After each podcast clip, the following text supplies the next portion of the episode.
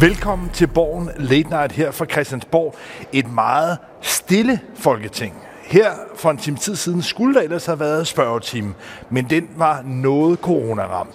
Venstres formand Jakob Ellemann Jensen ligger med corona, og Christian Thulesen Dahl ligger med corona. Og det Og sidste, Maj Williamsen, Vil, øh, Willumsen ligger også med corona.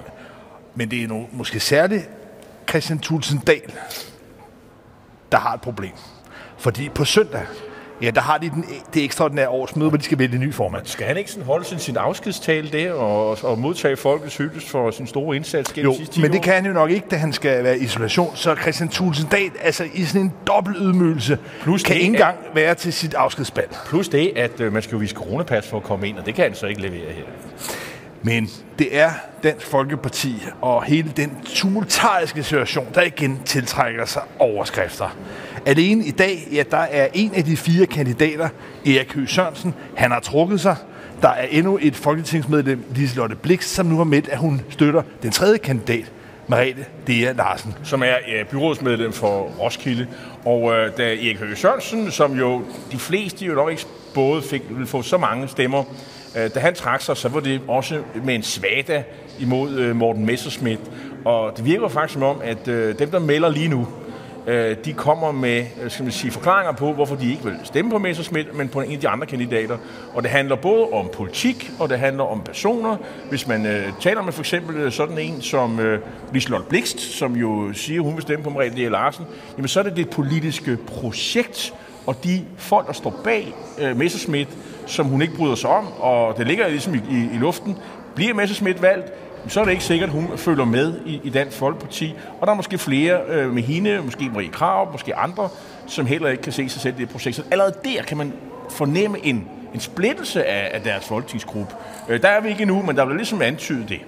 Ja, men det begynder at ligne en sprængning. Lad mig minde om, da Alternativet valgte Josefine Fock som ny formand, eller leder i hvert fald af partiet, ja, så var der tre ud af fire fra folketingsgruppen, som splittede ud med det samme herunder Alternativets stifter, Uffe Elbæk, og dannede deres nye, de frie grønne. Så vi har altså allerede i den her folketingssamling set, at valget af en kontroversiel leder partileder har ført til en sprængning. Og jeg forudser, at der vil være en eller flere fra den Folkeparti's folketingsgruppe, som vil splitte ud. Og derfor er det her valg, vi altså kan se frem til nu på søndag i Herning, det er højeksplosivt. Og det virker, som du er inde på, som om, at det i virkeligheden nu meget af en mobilisering imod Morten Messerschmidt. Det er mildt talt en dårlig start for ham. Og, og det er jo også ligesom om, at han har fanget alvoren her, fordi øh, jeg tror, det var i dag, han var ude og, og, og, og ligesom betone, at han ville prøve at holde sammen på det hele og være formand for alle, og ingen skulle udelukkes. Altså, det er sådan lidt mere ydmyge toner, kunne man, kunne man sige. Øh, han er klar over, at han vil formentlig vinde. Men det kan jo blive en pyrhussejr, hvis det er sådan, at øh, det parti, han overtager, at det splittes i, øh, om ikke i atomer, så i nogle store stykker, sådan så at han øh, kun har måske en håndfuld at, at være formand for.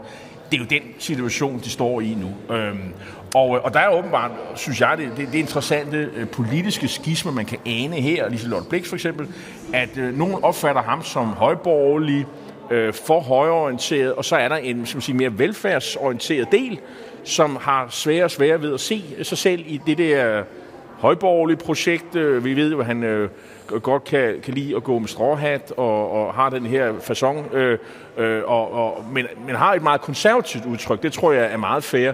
Og det er måske ikke alle øh, DF, øh, folketingsmedlemmer eller vælgere eller øh, organisationsfolk, der kan se sig selv i det.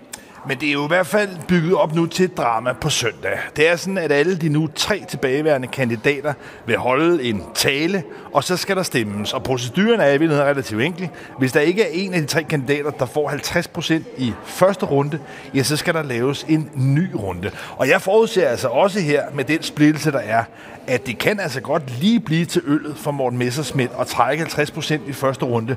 Og så er det altså for alvor splittelsen altså åbnes for fuld blus. Fordi så vil vi have en situation, hvor ja, altså, at der vil være to næsten jævnbyrdige. Det vil føre til splittelse. Og derfor, derfor bliver det jo også interessant at se, om der er måske nogen, der trækker sig, inden vi når til søndag. Der er jo allerede en, der er røget øh, her. Øh, er der en, der går sammen med den anden? Øh, magtdeling, hvad ved jeg, det er jo set før i, i politik. Øh, hvis der skulle være en, en, en modkandidat, ja, det er jo svært, det skal jo så enten være Merete D. Larsen, som ikke sidder i Folketinget, det gør den anden jo heller ikke, Martin Henriksen. Øh, men øh, man kan måske øh, stille op på en, øh, en, sådan en, en ticket, der siger øh, alle andre en, øh, en, en messersmith, og så må vi finde ud af det der politik bagefter. Hvis man kan det, så kan de måske nå længere. Jeg forudser dog, at Messerschmidt vinder i første hug, men om det er med 55 procent af stemmerne, om det er med 60 eller 65 procent af stemmerne, det, det er nok det, jeg tror, man skal ligge. Vinder han kun med 55 procent af stemmerne øh, i anden runde eller første hug, men det er jo heller ikke imponerende. Der er i hvert fald under andre et stort oprydningsarbejde. Og så er det jo, det helt spændende, det er jo, hvad gør øh, Tusinddal og hele den gamle garde? Altså, vil de øh, bare bakke op, eller vil de øh, gå over i Inger Støjberg-partiet? Øh, I går der sad jeg og så... Øh, øh, Inger, øh, ring til Inger, øh, hvor folk ringede til hende og lykønskede hende. Der var ikke mange kritiske spørgsmål, så meget vil jeg sige, men, men det var interessant nok, fordi Inger Støjberg fortæller jo til, at hun kommer helt sikkert tilbage, og, og, og, og grunden til, at hun ikke meldte sig ind i, i DF, det var, fordi hun synes, at man skulle have øh, slidt mindst to biler op, før man kunne stille op for et parti. Øh, egentlig meget sympatisk begrundelse, øh, og hun, men der var måske også en anden grund, det var, at hun, øh, hun var jo ikke engang medlem af partiet, øh, og, og havde måske heller ikke lyst til at blande sig i det der. Men hvis det er sådan, at hun danner et eller andet, og hun vil tilbage igen, det, det er tydeligt, så må det jo ske i form af et nyt parti. Vil hun så tage taberne med over i det parti? Øh, det synes jeg et scenarie, der ser mere og mere realistisk ud. Jeg ved ikke, hvad med dig, Lars? Hvad siger du? Jo, altså det er i hvert fald en sprængning, vi ser af, af højrefløjen, hvor det er jo i for, første omgang også en kamp i forhold til Nye Borgerlige, men det er klart, at hvis Inger Støjberg gør alvor af de her idéer om at stifte et nyt parti, så vil der jo være nogle af dem fra den folkeparti. Og så har vi altså en fragmentering, der minder mig om, hvad vi så på venstrefløjen i 70'erne og, og 80'erne. Og jo dermed også en politisk svækkelse af, af højrefløjen. Men altså, det er jo selvfølgelig en, en, en koncentration, tror jeg, hvis, hvor, hvor, hvor man må forestille sig Tusinddal og hele den der gamle FPU, Fremskridsparti Ungdom, øh, klike, øh, som har været en, en fast bestanddel af, af Dansk Folkeparti, at de følger med over. Øh, det bliver meget øh, spændende at se. Der var jo en anden herre, som jo heller ikke kunne være med i dag, nemlig Jacob Ellemann. Og jeg skal da love for, at der også sker noget i Venstre. Øh, her i fredags, øh, pludselig, jamen øh, så meddeler øh, Carsten Lauritsen nærmest som, øh, som en lyd fra en klar himmel. Øh, han stopper i politik. Øh, han er 39 sommer, så vidt jeg ved. Han har altså siddet i 15 år i Folketinget, har været minister og skatteminister, øh, og så har han været øh, øh, gruppeformand her i de sidste par år. Øh, god gruppeformand er der sådan almindelig enighed om. Øh, men altså, nu er han øh, blevet gift og vælter barn, og har fået et, øh, et meget interessant job i Dansk Industris transportgruppe, direktør, faste arbejdstider og sådan noget. Øh, og det er nemmere for ham at kombinere, mener han, frem for at være folketingsmedlem i Nordjylland, bo i København, øh, udarbejdende kone og barn og familie osv. Øh, så nu siger han farvel og tak. Og det efterlader jo så igen Jacob Ellemann tilbage med en, øh, en, øh, en, en overladt folketingsgruppe, fordi jeg, jeg kan slet ikke følge med. Er det den 8., 9. eller den 10., der har forladt Det er i hvert fald, for at gøre det enkelt, det er alle stemmesluerne. Mm. Fordi nu er Lars Løkke, Inger Støjberg, Tommy Ahlers, Carsten Lauritsen, og så derudover har vi så også en, en Britt Bager og en Markus Knudt, som har forladt Venstre. Så hvis man tager listen over de Venstre folketingsmedlemmer, som virkelig høstede mange politiske stemmer, altså personlige stemmer, i virkeligheden dem, som kunne bære deres mandat i sig selv. Ja, størstedelen af dem har nu forladt Venstres folketingsgruppe, og Jacob Ellemann er en af de få tilbage, der ligesom er folketingsmedlem næsten i egen ret, altså med personlige stemmer. Det er jo en overladning, som altså man havde jo næsten troet, det var i hvert fald også, tror jeg, hvad vi var enige om, at det ligesom var stoppet det var lykkedes på en eller anden måde at, at bremse den nedtur. Det, det virker lidt som om, at, at Venstre det er ligesom svaret på den der børnesang med de 10 små cyklister, der er ude at cykle, og så vælter de af alle mulige forskellige grunde.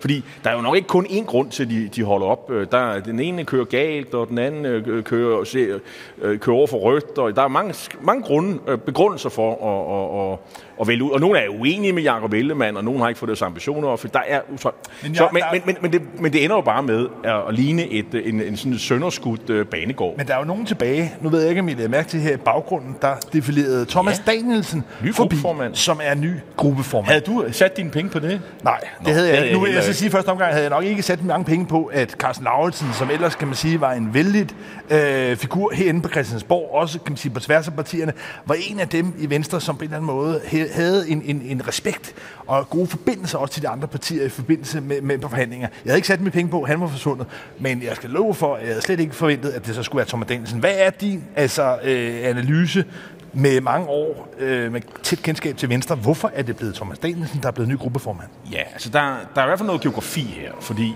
øh, det er jo sådan, at øh, der er jo i Venstres, øh, Venstres øh, ledelse i dag, er der jo nogen valg fra på det sjællandske. Øh, der er jo selvfølgelig Sofie Løde, øh, Troels Lund Poulsen, øh, der er også øh, Lillehold fra Fyn, øh, så er der jo øh, Ellemann selv, øh, han bor godt nok på Sjælland, men er valgt i, øh, i, i det aarhusianske område, men der mangler ligesom også nogle folk fra, skal man sige, Venstres øh, højborg i det nord- og vestjyske, øh, og øh, førnævnte gruppeformand Lauritsen, han var jo valgt op i Nordjylland, og øh, tidligere har Inger Støjberg været en del af ledelsen, hun var fra, fra Vestjylland. Så det vil sige, man har let efter en kandidat derfra, og, øh, og så er man endt med, med Thomas Danielsen. Hvis man skulle, skulle måske øh, tilføje noget, så er det sådan, at, at Danielsen har jo hørt til dem, der, var, øh, der stemte imod en rigsretssag mod Inger Støjberg. Han har været meget Inger Støjberg-lojal, valgt i samme område, øh, knytter formentlig stadigvæk bånd sammen med Inger Støjberg. Støjberg fortalte i går glædestrålen, at hun havde meget store kontakter inde i Venstres folketingsgruppe, som hun er glad for at fastholde. Jeg gætter på, at Thomas Danielsen er en af dem.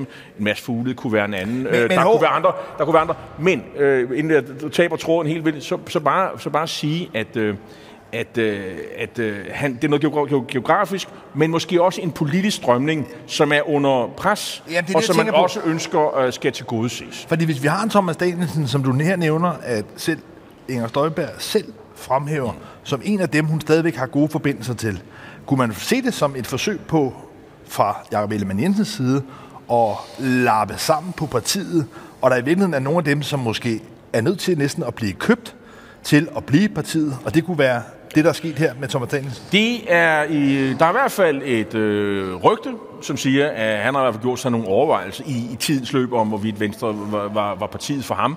Øh, det er det nok ikke længere, fordi øh, nu er jeg været gruppeformand, og man kan sige, så længe han heller ikke har meldt noget ud, så, så er det vel heller ikke fair at sige, at, øh, at det er et faktum. Men i hvert fald har der været nogle spekulationer, der der har løbet om, at øh, om hvorvidt han måske, hvad ved jeg, der kommer et, øh, et Støjberg-parti på et eller andet tidspunkt, øh, og så har man i hvert fald øh, øh, ham øh, nu som gruppeformand øh, indtil videre. Men det er i hvert fald ikke noget styrketegn for Jakob Ellemann Jensen, at han er nødt til ligesom, at hive en, en af dem, som har været i den modsatte lejr, som har støttet Inger Støjberg, også i det her meget kontroversielle opgør omkring øh, hele rigsretssagen. Så altså, jeg ser det som, som et svaghedstegn for Jacob Ellemann Jensen, at han simpelthen er nødt til ligesom, at få lappet det sammen. Og, og før, øh, nogen vil også sige, at øh, jeg har jo selv øh, nogle, øh, nogle holdninger, øh, som jeg giver udtryk for øh, mange steder, og øh, jeg er jo en af dem, der har kritiseret øh, Danielsen, fordi han var ude og efter en truskommissionens formand, og, og, og kritiserede ham for at sidde i, i flygtningenævnet, hvor han var formand, nu han udpeget til. Det gjorde han, Næstformand dog. ja, næ- næstformand var men han sidder i flygtningenævnet. Øh, og og så, så kunne jeg forstå øh, her i weekenden, der kunne man læse om instrukskommissionens formand, øh, Peter Mørk Thomsen, har fortalt om, hvad det var for nogle kon- konsekvenser, han, han og hans familie har haft i forbindelse med den her, øh, øh, det her arbejde, hvor man har kigget på, på, på, på Støjbergs sag, og, og så øh, blev det her også nævnt, at der har været noget politisk pres, og der er det jo så øh, øh, ikke kun Daniels, men også Tusinddal, det har faldet i øjnene for ham, og det har været hårdt, og, og der kommer Tusind, øh, hvad hedder det, Thomas Daniel så med en, øh, med en undskyldning, han er jo åben, og han siger også, at han er blevet lidt misforstået, øh, men det kommer altså et år efter, at det her er sket. Men Jarl, problemerne stopper mildtalt ikke for Venstre her, fordi det, der skete forleden, det var, at det kom frem, at tidligere forsvarsminister Claus Hjort Frederiksen nu også er sigtet for at have brugt sin tavshedspligt i hele det her spiondrama, hvor vi allerede har chefen for Forsvarets efterretningstjeneste, Lars Finsen fængslet. Mm, mm. Men det er jo altså fuldstændig spektakulært herinde på Christiansborg, at en tidligere forsvarsminister bliver sigtet for at have brudt sin tavshedspligt. Og vi ved faktisk ikke engang rigtigt, hvad det er for en paragraf. Lars Finsen risikerer helt op til 12 års fængsel. Om det er noget lignende, der kan gøre sig gældende for Claus Hjort Frederiksen, det ved vi faktisk ikke, men det er i hvert fald med de paragrafer, der er i spil, nogle enormt lange fængselsstraf, Claus Hjort kan se frem til. Men vi skal jo også lige huske, at øh, øh, det at være sigtet, det er nummeret, før man bliver øh, tiltalt og anklaget osv. Så, så der, vi, vi ved jo faktisk ikke rigtigt, om anklagemyndigheden rejser øh, øh, Øh, øh, øh, anklage. Øh, men det er sådan på vej, og det vil sige, at han har jo øh, en sigtets rettighed, og han har fået sig en beskikket advokat, som det hedder, og, og så har Claus Hjort jo også valgt at tige herfra, hvilket nok er nok klogt.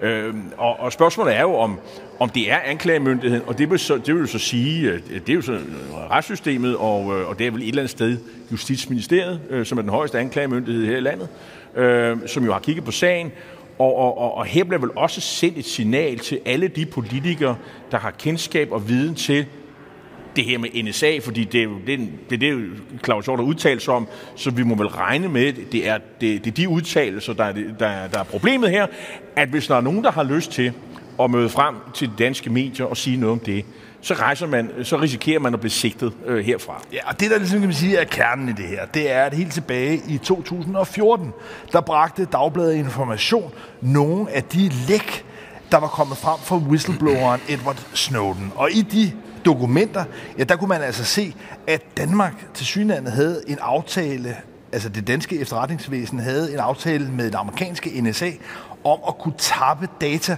fra nogle af de internetkabler, der kører gennem Danmark. Et søgekabel.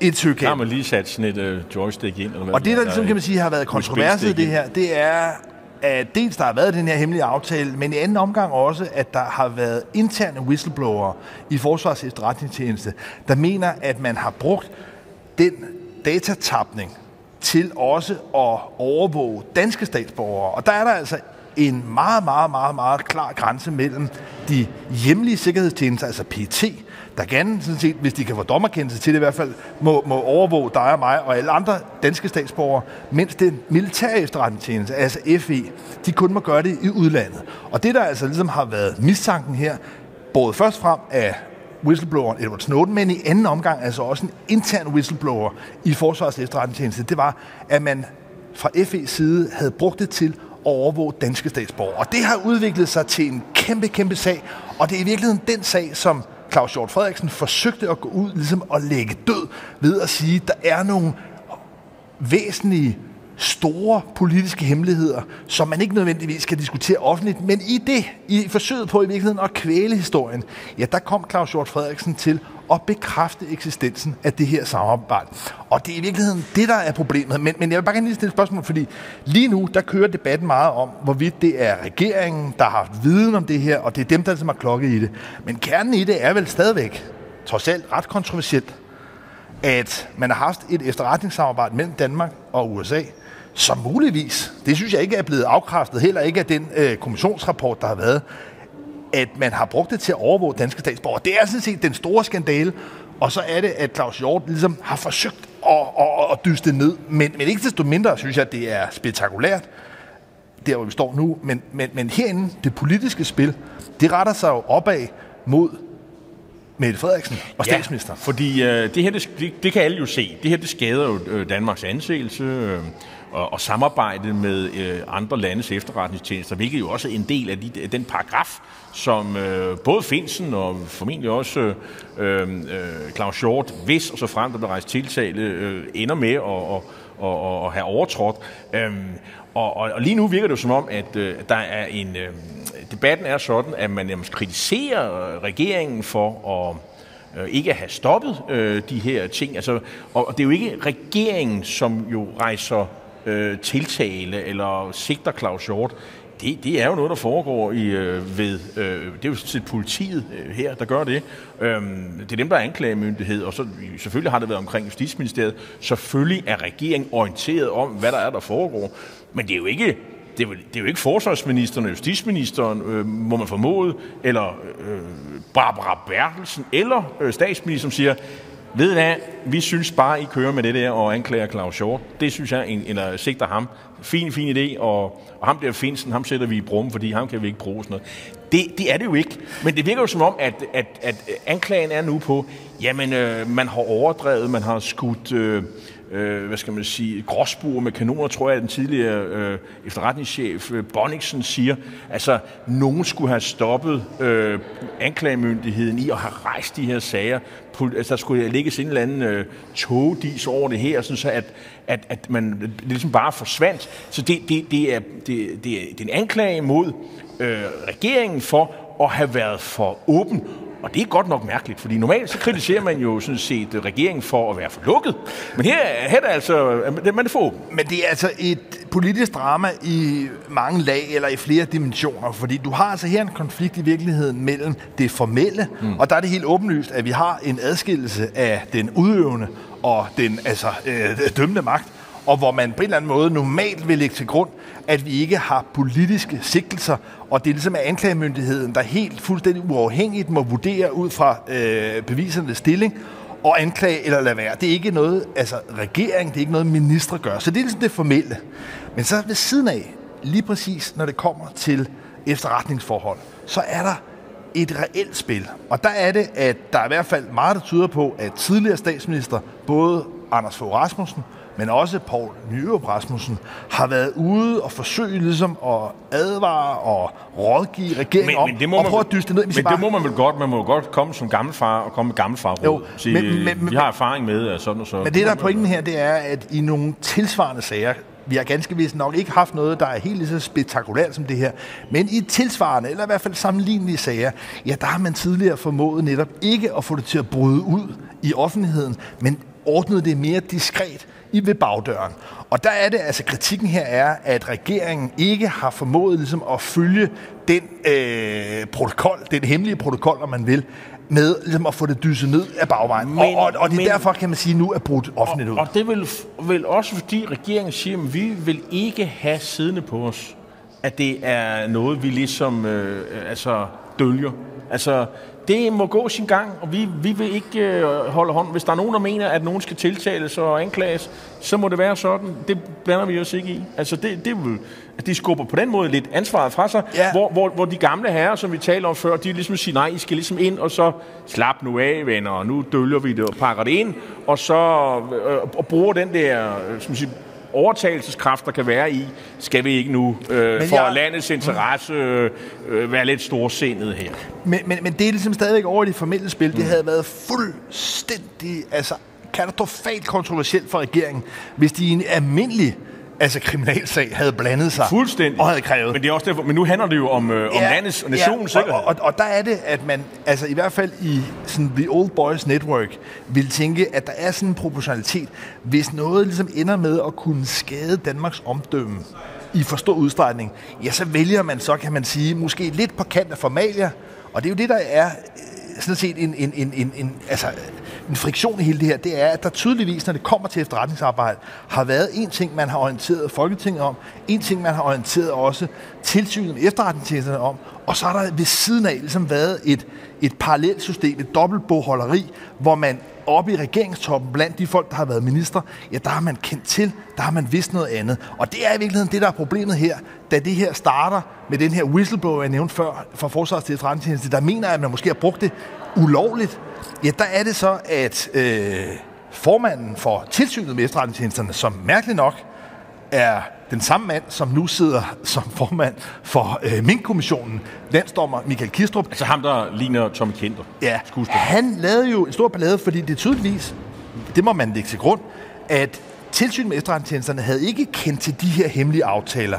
De vidste ikke, de var ikke blevet informeret om, at man altså hos både Poul Nyrup Rasmussen, hos Anders Fogh Rasmussen og hos Claus Hjort Frederiksen udmærket godt havde kendt til, at der var nogle sådan lidt lyssky mønstre øh, og praksiser i samarbejdet mellem Danmark og USA. Det var ligesom noget, man havde holdt op i regeringstoppen og havde undladt at informere de kontrolorganer, der er. Og det er jo virkelig det, der har fået det til at eksplodere.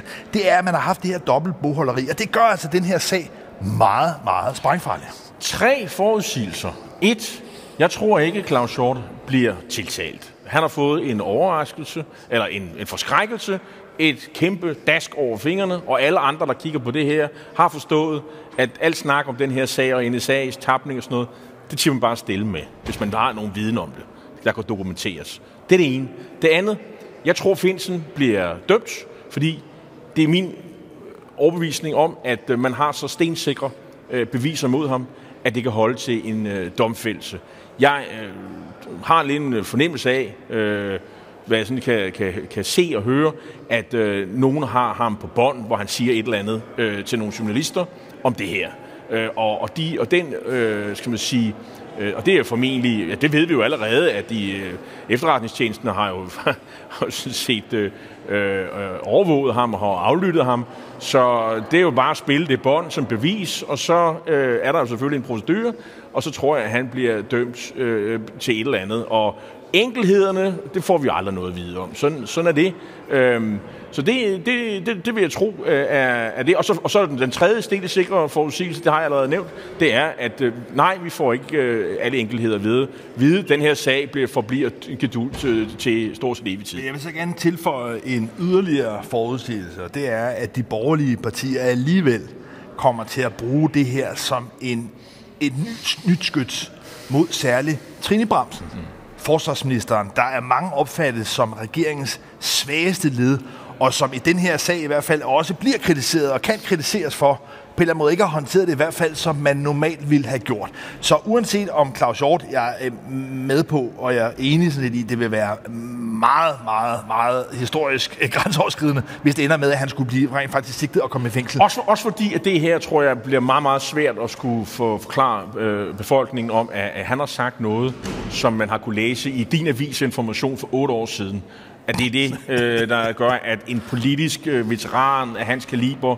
øh, som i øvrigt øh, bruger det meste af sin tid på at passe sine øh, dødssyge kone og sådan nogle ting, og dødssyge, det skal forstås alvorligt, øh, det, det tror jeg, at befolkningen får meget, meget svært ved at forstå. Altså sådan retssikkerheden bliver krænket her. Det, det, det er jeg ret sikker på. Men i hvert fald Så det, er, det, det, det, det ender det ikke med. Men uh, det kan være ubehageligt nok. Det tror jeg også, at Claus Hjort han forstår. Men det er nu alligevel altså ret vildt, at Venstre nu har endnu et meget fremtrædende medlem, som kan risikere at sidde på bænken. Men, men der foregår faktisk også noget, for, som har betydning for almindelige mennesker. Altså, nu er det jo sådan noget post der frem og tilbage, og hvem skal være det ene, og hvem skal være det andet. Og den her sag, som vi ikke får lov til at vide alt for meget om.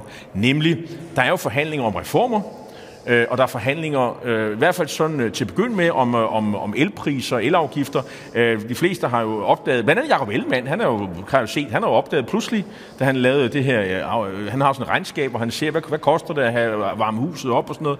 Og pludselig, øh, nogle steder er det jo to og tredoblet og så videre. Hvad skal vi gøre ved det? Og det sidder politikeren Dan Jørgensen i øjeblikket sammen med nogle, en håndfuld af folketingspartier og finde ud af, hvordan får man sat øh, elpriserne ned? Er det kun kun og kun dem, der ikke har for mange penge, er der alle os andre, der også kan mærke elregningen, som også bliver til gode set. Det ved vi ikke. Og er det kun øh, noget midlertidigt, eller er det et større system, man laver om? Men i hvert fald vil jeg sige, det, det er en mindre, kan man sige, ja, midlertidigt... Faktisk er det jo sådan, at man nedsætter afgiften på el, men det er først om et par år. Så, men, øh... men reformforhandlingerne er langt mere vidtrækkende, forstået på den måde, at det er nogle ændringer, som i hvert fald for de politikere, der laver dem, gerne skulle vare i lang tid. Og noget af det, regeringen har spillet ud med i sit udspil Danmark kan mere, det er jo blandt andet, at dagpengesatsen for nyuddannede både skal sænkes og skal halveres i sin periode. Så er der også en lang række andre tiltag, hvor øh, de borgerlige og ikke mindst radikale har spillet ind med krav om både øh, skattelettelser, men også om mere udenlandsk arbejdskraft. Og de her forhandlinger, de er altså i gang lige nu her på Christiansborg. Og, og før de gik i gang, der havde de jo ligesom øh, de radikale på en eller anden blandet blod med, med men flere af de borgerlige partier, minus Dansk Folkeparti, de kan jo ikke være sammen med de radikale om sådan noget, men, men alle de andre, og der var ligesom øh, fundet ud af, at det, det, nu kunne de jo lave noget sammen, og nu kunne de få alle mulige borgerlige mærksager med skattelettelser og andre ting øh, igennem, øh, arbejdskraft ikke mindst, øh, men, men, men, øh, nu er det jo sådan, at Socialdemokraterne, de er jo ikke født i går, altså, så de, de fastholder deres taktik med at, at hive de enkelte partier ind og, øh, og det borgerlige, de har sagt, det, det, det gider vi ikke det der. Vi kommer samlet, ellers så kan I bare glemme om det. Men de radikale, sådan nogle flinke, flinke mennesker, de mødte frem alene, øh, og de deltager i festlederen alene, altså på egen hånd. Og, øh, og lige nu, ja, der går der nogle rygter om, at øh, de radikale, de er sådan set allerede ved at opsige den der borgerlige alliance, som man egentlig havde indtryk af, Sofie Carsten Nielsen, hun har øh, øh turneret med i et par uger nu. Øh, for, øh, men altså, det er jo kun øh, forlydende, og det kan jo ændre sig og om, at de er sådan set på vej til at lave en aftale med, med regeringen. Men hidtil, hidtil må man virkelig sige, at finansminister Nikolaj Vammen har været dygtig til at spille partierne ud mod hinanden at strikke nogle øh, snedige forlig sammen, hvor nogle af de sværeste problemer bliver skubbet lidt. Og et af de trumfkort, han har, særligt i forhandlinger med radikale, det er, at Radikale er faktisk det parti, der har lavet flest aftaler sammen med den socialdemokratiske regering i, i løbet af de sidste to og et halvt år. Og det gør jo, at hvor de borgerlige måske kommer ind i et rum og forhandler om en lille øh, kasse, ja, så kan de radikale jo på en eller anden måde tilbydes ting på mange, mange, mange andre områder. Og det gør, at Nikolaj Vammen som finansminister på en eller anden måde altså kan tilbyde radikale noget, der ligger uden for forhandlingerne, og den måde er sådan nogle politiske forhandlinger øh, snedige, og derfor sidder en finansminister altid, kan man sige, med, med trumferne. Og der sidder jeg jo tilbage og bliver belært af, af, af Lars her, fordi tænk engang, altså, hvis man nu har fulgt med i dansk politik sidste øh, 3-4 uger, ja, så kunne man godt få det indtryk af, at øh, Sofie Carsten Nielsen, hun havde sådan forladt øh, Socialdemokraterne og, og, og Rød Blok for at bevæge sig over i Blå Blok. Men øh, realiteterne er, som du lige nævnte her, altså, at de har lavet politik med øh, Socialdemokraterne i de sidste to og et halvt år. Så her er et godt eksempel på retorik og realiteter. Øh, jamen, det er ikke nødvendigvis øh, øh, skal man sige, samstemmende. Eller et eksempel på, at noget af det, som Sofie Carsten Nielsen måske har spillet meget effektivt, det er i virkeligheden i offentligheden om fremtur med nogle trusler og med nogle krav.